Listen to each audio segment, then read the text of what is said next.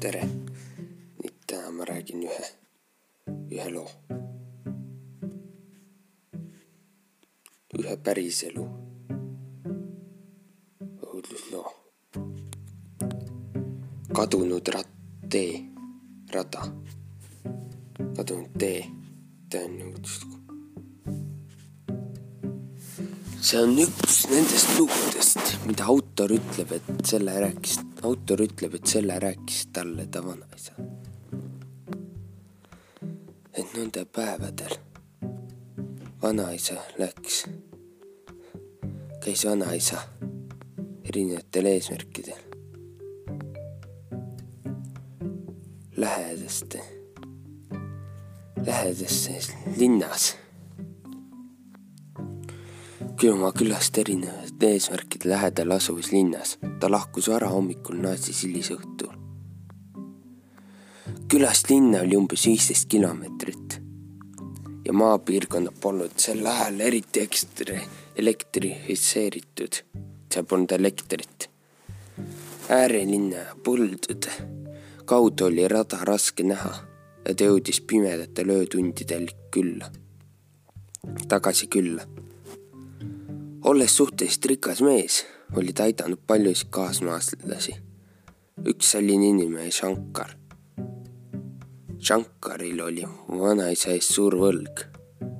vanaisa oli talle laenanud suure summa raha, et tema ainus tütar, Shankari siis ainus tütar, saaks abielluda õigel ajal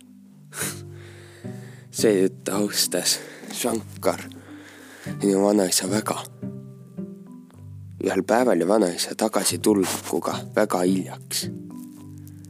ta ei näinud ristmiku mustrit ja eksis.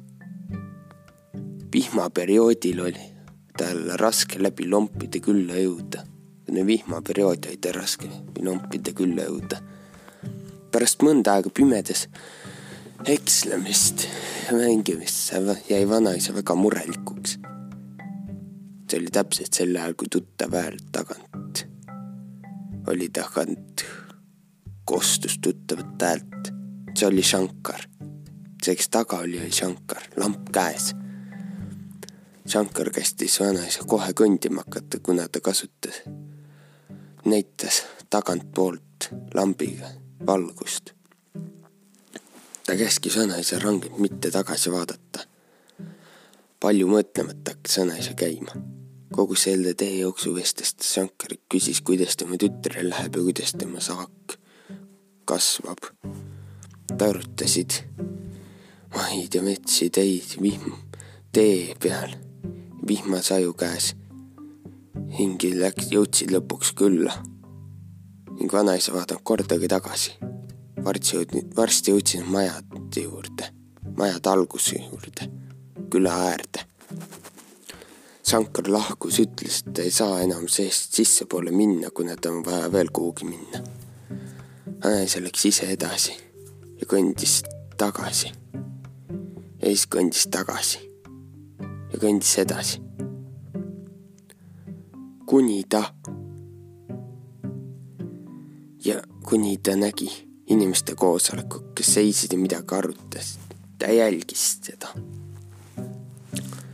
ja läks nende juurde, et nad saaksid rääkida, mille üle nad arutasid.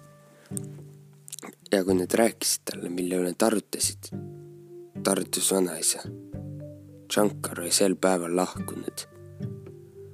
see polnud keegi, kes oli talle teed näidanud, see oli midagi. Shankar oli surmast naasnud, et tunnistada oma võlga ja pakkuda vanaisale abi, kui ta seda vajab.